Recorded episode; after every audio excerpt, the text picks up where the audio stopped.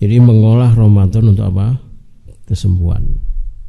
Jadi bagaimana kita menghamba tapi sembuh. Bukan hanya fisiknya, mentalnya, jiwanya, perilakunya. Maksudnya sembuh itu ya utuh gitu ya. Lalu kita tegaskan konsep terapi rukyah di bulan suci Ramadan. Jadi ada judul besar dalam istilah ya dalam penulisan apa makalah atau artikel itu ada judul yang menyempit begitu. Jadi mengolah Ramadan untuk sembuh lalu apa yang diinginkan yaitu konsep terapi rukyah di bulan suci Ramadan kita percepat karena ada 39 slide. Faktor penentu kesembuhan. Yang pertama adalah timing, waktu. Yang dimaksud di sini adalah waktu-waktu mustajab. Ramadan adalah waktu terbaiknya terapi, siang dan malamnya. Jadi kalau kalau orang sakit itu butuh UGD, misalkan ya, maka Ramadan itu UGD-nya gitu ya. Tapi UGD yang sempurna yang perfect. Kalau seseorang sakit itu misalkan harus diamputasi, dioperasi, maka itu prosesnya. Tetapi Ramadan jauh lebih dari itu. Nanti kalau kita memaknai sembuh, Ramadan itu sudah masuk pada uh, waktu yang seseorang kalau masuk untuk untuk sembuh itu waktu yang tepat, yang sangat tepat termasuk merubah diri, mengupgrade diri, di mana uh, dari sisi mana? Dari sisi bahwa Allah Subhanahu wa taala menjadikan Ramadan itu bulan yang penuh keberkahan. Jadi bulan yang diberkahi. Artinya bahwa di waktu Ramadan itu uh, siang malamnya sudah terdapat kebaikan. Itu berkah tinggal orang itu bisa mengakses mengambil atau tidak gitu ya. Jadi sebetulnya di sini butuhnya uh, di antara yang yang menjadikan barokah adalah diwajibkan puasa. Puasa saja itu sudah penghambaan dan tidak ada kewajiban atau penghambaan ibadah yang disukai oleh Allah apa kecuali kewajiban yang yang ditunaikan. Karena itu kewajiban puasa diikuti dengan mustajabnya doa. Puasa saja itu sudah membuat orang uh, menuju sembuh. Asyamu junnah atau syamu sumu tasiku. Puasalah kalian agar sehat. Jadi puasa saja bisa atau dibuka saja itu. Iya, dibuka saja supaya enggak enggak tersebar. Ya udah biar gitu aja. Enggak usah ditutup. Ya biar. Jadi puasa saja itu sudah menuju sehat. Apalagi di dalamnya ada uh, ada apa? Ada doa-doa yang mustajab. Jadi coba dibayangkan. Dan puasa itu tidak hanya di Islam. Banyak sekali ajaran agama itu juga mengajarkan puasa. Walaupun puasa yang benar ya yang diterima oleh Allah yang yang diajarkan oleh Islam gitu ya. Bahkan di kalangan hewan saja ada puasa. Misalkan ayam. Ayam itu demi anaknya menetas, telurnya menetas, berhari-hari tidak turun. Semua definisi puasa itu sudah substansi dasarnya adalah baik. Cuma ada puasa yang justru malah ngundang setan itu. Jadi puasa-puasa seperti ini di luar Islam. Ya. Hanya dari puasanya saja kita sudah taat sama Allah. Itu saja sudah kredit poin untuk minta sembuh. Kredit poin dari sisi fisiknya saja sudah bagus. Kita puasa semakin tambah hari sudah semakin tambah sehat, tambah ringan. Itu konsepnya. Lalu di, di, di puasa sendiri sudah apa? Sudah ada doa yang dijabai mustajab. Kata yuhtir jadi doa tidak ditolak sampai apa? Buka puasa. Dari sini saja kalau orang diterima puasanya sudah sehat, lalu doanya mustajab, apa yang tidak bisa sembuh? Yang tidak, tidak bisa sembuh itu karena dosa. ada dosa yang menghalangi seseorang mendapatkan taufik cara berpikir seperti ini. Jadi ada orang puasa doanya mustajab, dia tidak sembuh, dia tidak berubah karena dosanya, dia terhalang dari dosa. Maksiat itu menutup taufik.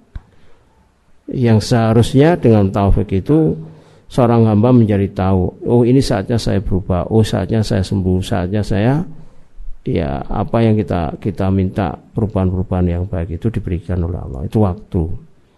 Lalu belum lagi nanti 10 hari terakhir. Ada itikaf.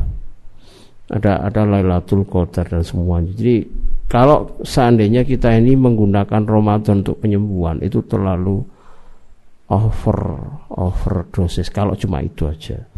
Sehingga kemudian Ramadan itu adalah momen paling bagus untuk terapi.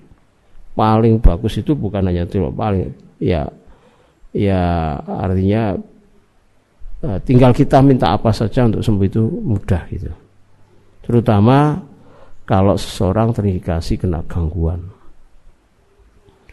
lalu ada modal ketaatan ada keadaan yang yang membuat waktu terapi itu bagus. Apa? Modal ketaatan. Kita sampai ke 15 ada teraweh selain puasa ya ada tadarus uh, mudahnya seorang memegang mushaf lalu membacanya menyelesaikannya. Bayangkan ya ini ini ini kan perilakunya orang soleh perilakunya orang alim yang taat dan dan ini luar biasa walaupun untuk bisa seperti ini Allah berikan support apa iblis setan dibelenggu Tolong diingat itu ya. Ini kita ringan taat itu karena ada apa? Ada pelemahan musuh. Jadi karena itu kalau kalau kita nggak bisa menangkap keutamaan ini ya, ya pertama kita pasti di, diharamkan untuk mendapatkan itu. Man khurima khairaha faqad kurima itu berlaku bagi orang yang mengabaikan keutamaan-keutamaan Ramadan. Ya sudah sudah jelas-jelas iblis setan dibelenggu, eh dia ngundang perilaku buruknya. Ini ya undang sisa-sisa jin itu untuk untuk berkolaborasi sama dirinya untuk maksiat. Ya sudah.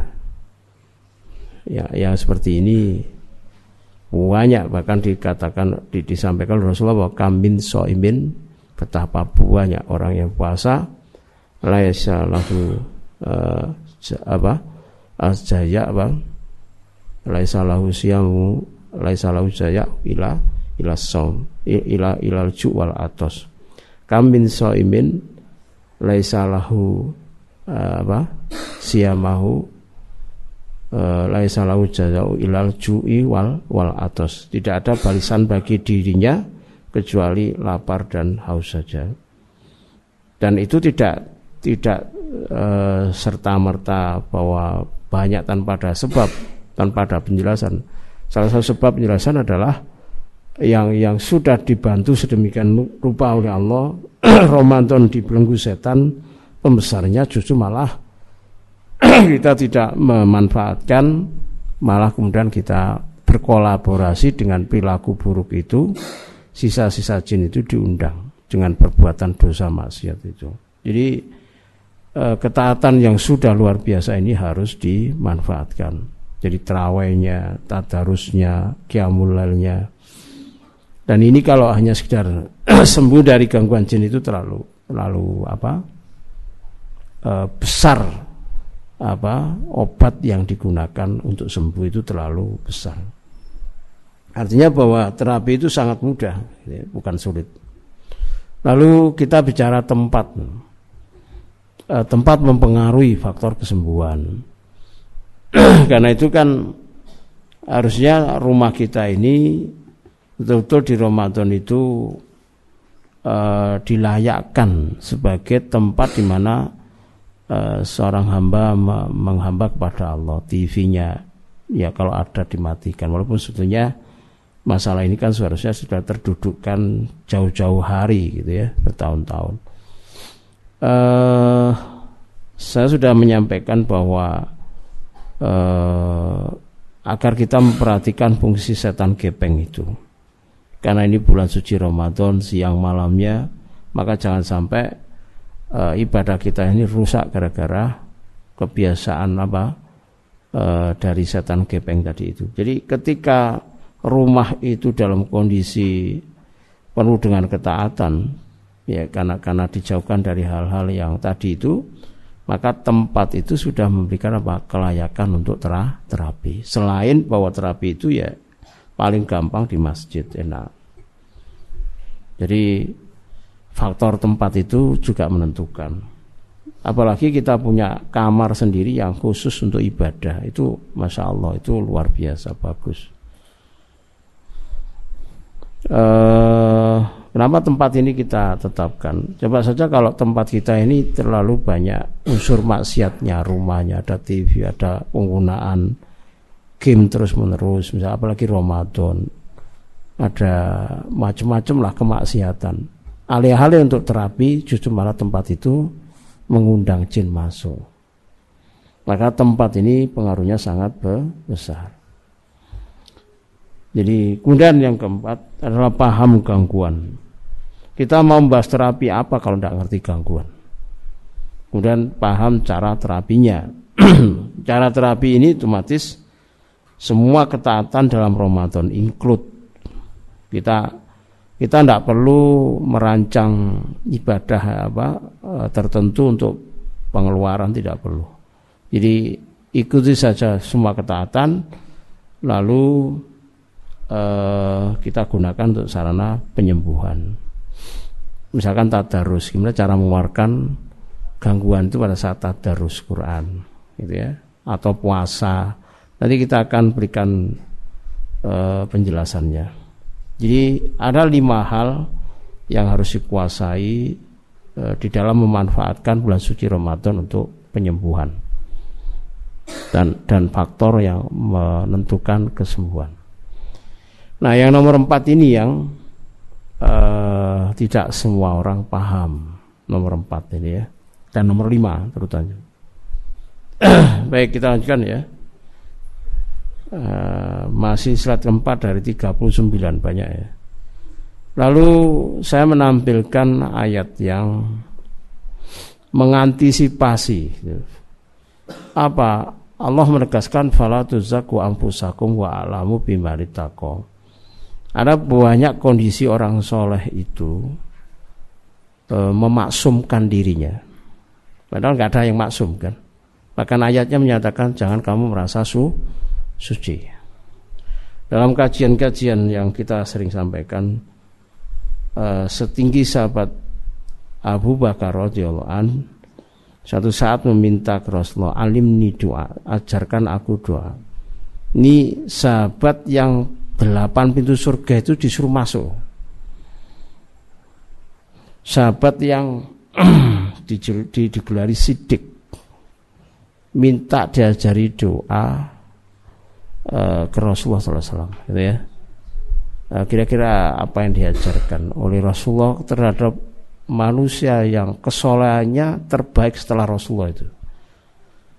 Alih-alih untuk hal-hal lain ya doanya itu diajari untuk membaca kalau dalam kitab Abil Soeb ya Allahumma inni dolam tu nafsi dulman kasiron ya Allah sungguhnya aku dolim telah berbuat dolim dengan kedoliman yang banyak. Ini sahabat Abu Bakar loh ya.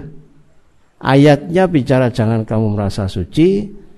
Lalu sahabat Abu Bakar dikasih doa untuk pengakuan kesalahan kedolimannya besar. Kalau kita tambah kepol kan gitu kan. Cuma nggak ngerumangsani wah kita itu banyak kesalahan, banyak dosa. Ini masalahnya kan gitu. Lalu kenapa ini saya tampilkan? Kalau orang sudah tertutup dirinya sudah suci, sudah soleh, itu mau mencari apa bingung terapinya. Karena saya sudah soleh, mau terapi apa bingung, nggak ketemu. Kenapa? Karena sejak awal sudah merasa sudah kalau kalau orang barat kan is okay itu. Sudah I'm fan fan, saya baik-baik saja. Sudah soleh, saya sudah suci. Kan masalah itu. Ya. Jadi Bapak Ibu, uh, ini ini penting untuk di, dipahami. Imam Ibnu Qayyim itu dalam kitab uh, Bada'iul Fawaid itu uh, ketika menafsirkan surat-surat Rikul Al-Falaq An-Nas itu uh, beliau menetapkan ada 10 hirsun benteng untuk melawan setan, melawan orang yang dengki. Dan di antara 10 benteng itu disebutkan ada ada benteng yang namanya tajridut taubah menyempurnakan tobat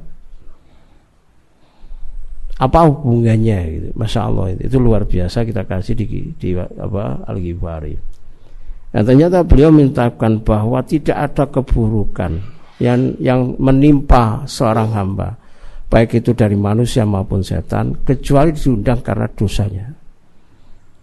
Ya. Dan itu sejalan dengan apa? Quran surat As-Surah ayat 30 dosalah yang membuat setan bisa masuk bisa mengganggu seseorang, bisa menimpakan kesurupan, bisa membuat dia dirasuki dan sebagainya masuk tanpa harus kesurupan dengan perilaku-perilaku buruknya. Termasuk kalau saat ini Ramadan banyak orang yang justru dicegah mendapatkan keutamaan Ramadan. Tidak ada yang bisa mencegah itu kecuali apa? Dosa-dosa. Nah, Ibnu Qayyim menjelaskan bahwa dosa uh, yang tidak diketahui oleh seorang hamba la apa lam tidak diketahui oleh al abdu seorang hamba itu tidak mengetahui. Itu ataf ataf. Sampai ditakit dua kalimat. Berlipat-lipat nah, ini kalau di kajian rukyah kita sudah bahas kenapa bisa seperti itu? Karena ketidaktahuannya tentang syariat itu banyak. Sehingga semakin tidak banyak tahu syariat, seseorang salahnya itu jauh lebih besar.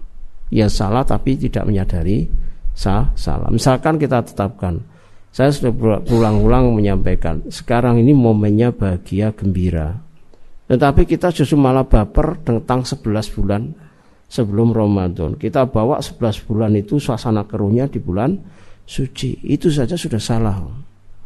Atau bahkan kita mengangkat persoalan yang tidak seharusnya yang sifatnya rendah lalu ditinggikan di bulan suci Ramadan. Ini adalah kesalahan-kesalahan.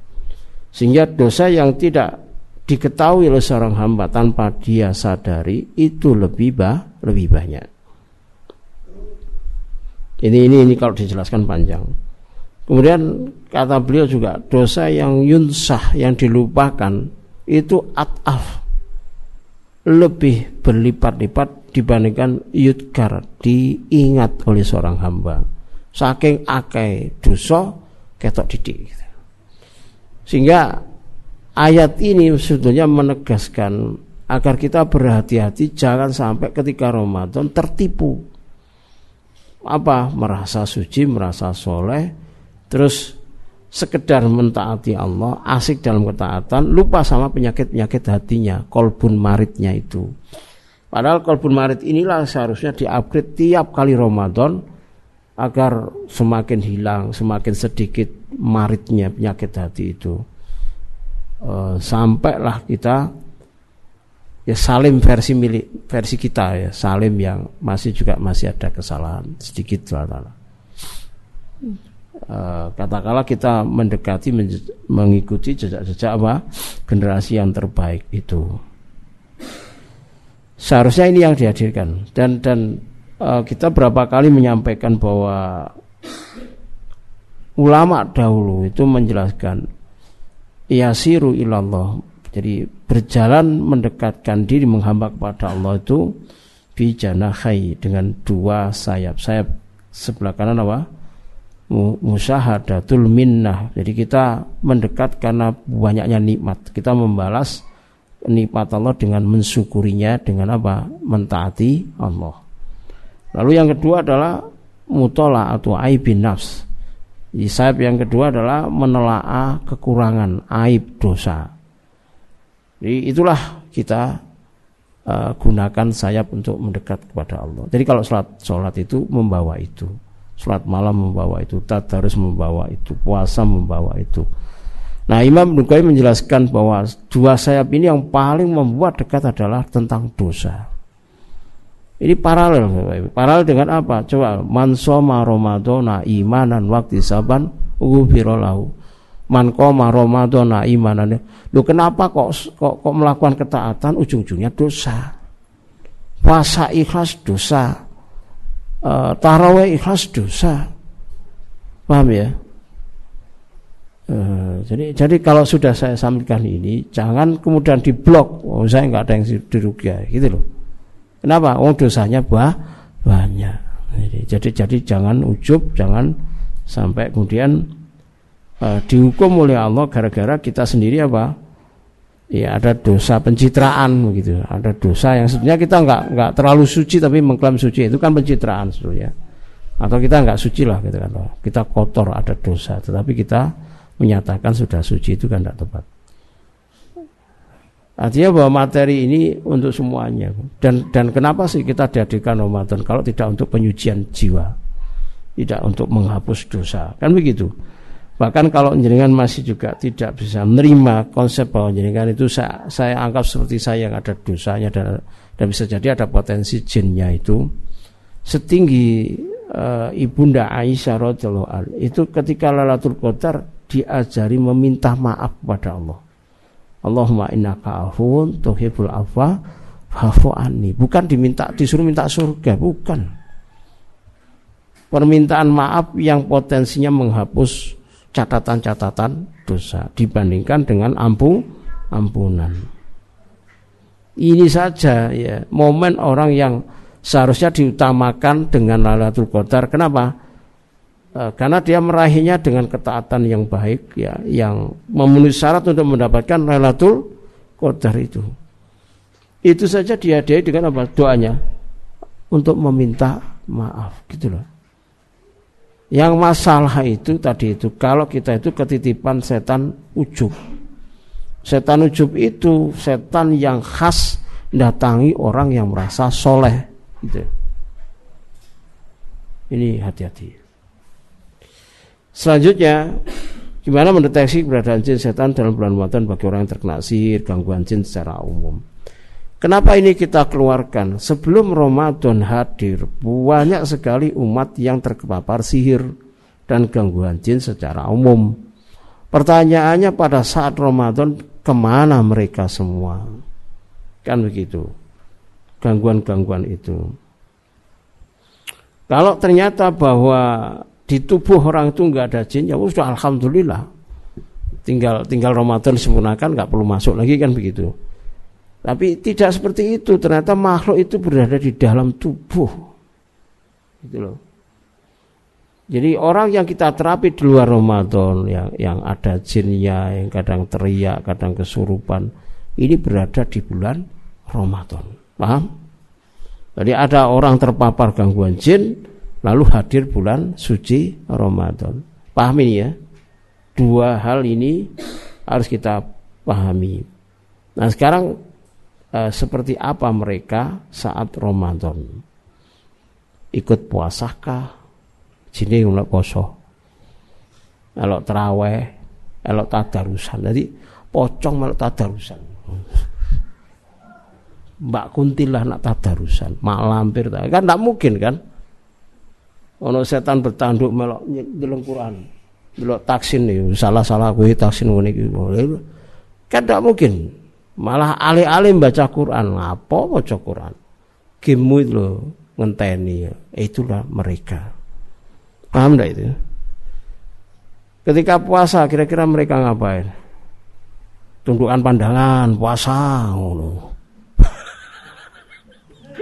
ojo poso fisike cari saya tarif ku sak otak sak atine ngono. Sing ngomong pocong.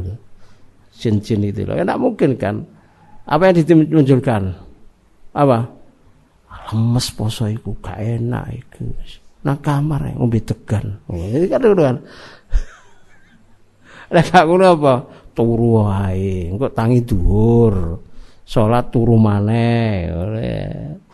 Marono ngabuburit ngabuburite layang-layang kau cacilik lah ngono itu mereka maka kita harus berhati-hati gitu Gangguan secara umum itu satu ada gangguan nasab, ada gangguan kejiwaan, ada gangguan ketaatan. Wakai tak cepet no ya.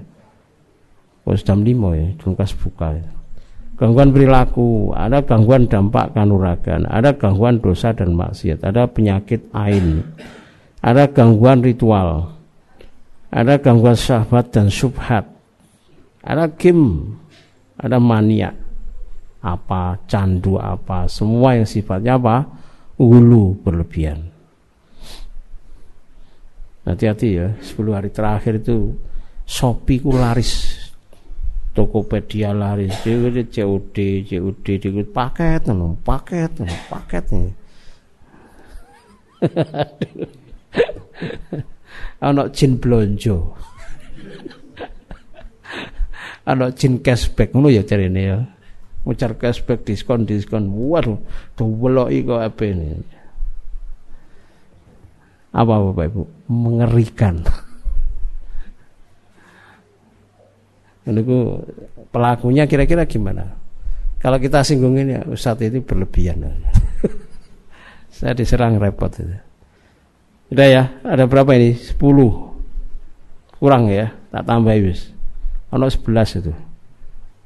Ada orang mengalami stagnasi Ramadan, nggak berkembang. Bingung. Datar, hambar, kering. Ya, ya dia tidak tahu memaknai ubudianya, dia tidak tahu apa sebetulnya yang ia kejar dalam Ramadan itu. Ya bingung malah. Ya. Eh, ya, yang seperti ini berarti apa? Kurang ilmunya. Dan ini menggambarkan orang itu kena gangguan jin di prefrontal cortexnya. Jadi ngeblank. Jadi jiwanya sudah sudah tidak bahagia sebelum Ramadan. Jadi masuk Ramadan bingung ngapain saya. Puasa tapi tidak tercermin kebahagiaan di wajahnya, bingung, stagnan ya dia stagnan tidak ngapa-ngapain tapi puasa. Ya tidak baca Quran tapi puasa. Ya kadang ikut terawih kadang tidak ikut terawih ya gitu. Bagaimana kalau terawih sing cepat-cepat ya gitu. Stagnasi. Lalu gangguan kepribadian karakter buruk. Ini apalagi ilmunya butuh tinggi. Karena tidak semua orang itu memahami bahwa karakter buruk itu uh, gangguan Meskipun ketika Ramadan karakter buruk itu menurun. Menurun bukan berarti hilang. Dia hanya melemah karena ketaatan kita kan gitu. Tapi coba ketika ketaatan kita menurun lalu kembali ke biasanya, lalu ada stresornya, ada fitnah, apalagi iblis dilepas itu kan ngamuknya luar biasa setelah Ramadan itu. Jangan di, jangan dipikir iblis itu kayak orang pakai apa ini ya baik hitam-hitam terus nggawa. Ngene iki apa iku. Terus iya. Terus angker wong lewat tuh dipawedangi. Ndak iblis itu nang setan gepeng itu paham? Iblis itu bisa lawan jenis itu. Iblis itu bisa dalam bentuk wajah dunia ini. Ya.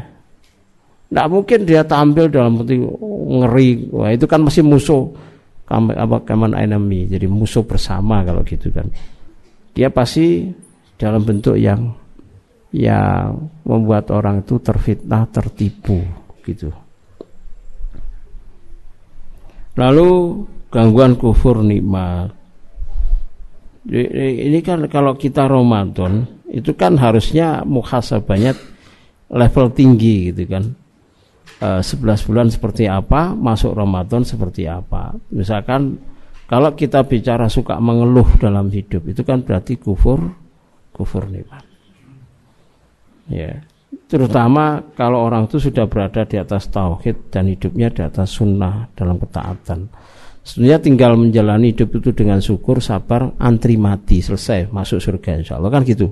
Tapi kalau kemudian dicampur adukkan dengan dunia, ya udah diberi itu tidak dihormati, tidak dihargai, direndahkan, lalu ngejar yang nilai rendah oleh tauhid oleh sunnah tapi melarat jiwane ora enak belas ya kayak gitu. Itu kan berarti dibalik dengan apa? Du, dunia harta materi. Ya kayak gini ya ketika hamba dilihat oleh Allah bosan dengan keutamaan bisa saja dicabut sama Allah. Ini mengerikan situ wasinya. Jadi jangan sampai masalah kufur nikmat ini tidak tercermati Ya, saya katakan gangguan kufur nikmat ada orang hidup di bulan Ramadan, keutamanya banyak, dia justru malah melihat di luar yang Allah hadirkan dalam Ramadan itu. Sementara orang yang mati semuanya pada saat Ramadan ditanyai di kubur itu pasti inginnya apa? Ramadanan, kan gitu. Ada orang hidup di Ramadan yang dicari apa yang dia tidak peroleh dari dunianya. Kan kacau itu. Kan masalah kan. Nah, itu kita tetapkan sebagai bentuk ganggu gangguan. Apa ukurannya Bapak Ibu? Ukurannya orang itu tidak bahagia dengan Ramadan. Hatinya tidak tentram, tidak sejuk, tidak ya tadi bahagia. Sementara Rasulullah SAW berulang kali saya sampaikan karena Rasulullah SAW yubasiru ashabahu apa bikutumi Ramadan adalah Rasulullah SAW itu memberikan kabar gembira dengan datangnya bulan suci Ramadan. Jadi Rasulullah saja bahagia, sahabat menerimanya bahagia, kita mati Islam milenial kufur nikmat. Nanti 10 hari terakhir bingung baju lebaran. Itu karena dicarikan tidak substansi. Rasulullah malah itikaf yang di sini sibuk belanja ya, ya wajar kalau Ustaz Sabik komentar. Seharusnya kalau umat Islam itu disoleh yang luar biasa ya sembako turun. Wong, wong semuanya pada apa? Menahan apa? Puasa dengan puasa menahan makan minum. Kan turun. Lalu konsentrasi ibadah. Siapa yang mau beli baju? Penghematan? Uang. Ini malah pemborosan luar biasa. Sehingga para suami ini ngeluh sirane gitu kan. Gitu. mau itikaf sino oma bengok-bengok ya kan gitu. Ya. Bi baju baru gak dua tuh musuh petres ya. Di rumah dawat diobrak-obrak itikaf ini kini diobrak-obrak. Kalau duit. Ya wih ngeli. Maka kufur nikmat ini mengerikan. Gangguan ketergesa-gesaan. Ya, banyak orang ya gangguan baper gangguan kepemilikan. Ada orang itu nggak bisa nggak bisa tenang dengan nikmat yang Allah berikan bagi uh, ke ke saudara yang lain, ke aku yang lain gitu ya. Jadi kalau ada orang uh, misalkan punya fasilitas tertentu yang Allah berikan, langsung hasutnya, langsung dengkinya. Jadi nggak tenang gitu kalau tetangganya misalkan beli sepeda motor atau mobil atau apalah atau HP-nya Apple kerowak itu terus langsung itu pasangannya di oyo-oyo atau dia sendiri yang berusaha kemudian beli karena apa? Karena rivalitas tadi. Uh, ini kisah kita lihat ya di di kaum milenial. Jadi setiap kali ada produk baru langsung rame-rame apa? Ganti, betul enggak? Dan kalau orang tidak ganti, uh terteror dirinya. Dan, dan pada akhirnya memilukan kegaduhan dalam rumah tangga. Itu namanya gangguan kepemilikan. Ingin milik saja. Lalu gangguan yang khas yang ini eh, setan akan terus memprovokasi yaitu apa? Menakut-nakuti dengan kemiskinan. Lalu gangguan memori dosa dan rasa ini paling banyak ada orang puasa, kenangan dosanya dimunculkan. Memori maksiatnya muncul. Itu setan semua itu. Jadi gangguan memori dan e, memori dan rasa dosa ya, ini kurang. Memori maksiat. Atau kalau dikaitkan ya memori buruk. Tapi ini memori dosa. Oh sudah benar ya. Gangguan memori dosa dan rasa dari dosa itu yang dimunculkan kembali gitu ya. Uh, saya tidak bisa membayangkan seperti apa gitu. Tetapi kita bisa uh, artinya begini. Uh, ada maksiat itu yang oleh pelakunya uh, dianggap benar karena nikmat. Misalkan pacaran, lalu zina itu ya itu kan belum tentu orang yang terjatuh di dosa ini itu serta merta bisa membuang kenapa karena dia suka Paham? Karena dia su suka. Sehingga kemudian apa? Eh, kalau kalau dia tidak ditolong sama Allah tauhidnya benar, lalu ketaatannya benar, tazkiyatun nafsnya benar dan dan terapinya benar, maka ini bisa naik lagi dalam Ramadan itu, naik lagi, naik lagi, naik lagi. Jadi ketika dia puasa muncul pikiran itu, muncul memori dosanya, muncul rasa dosa itu. Dan tidak sedikit orang yang yang puasa justru ketika dia lemah di syahwat, maka puasanya justru sahabatnya naik. Ini ini tidak sedikit artinya banyak gitu loh. Nah kenapa kok bisa begitu? Ya karena jin yang masuk itu diundang karena tema syahwat itu.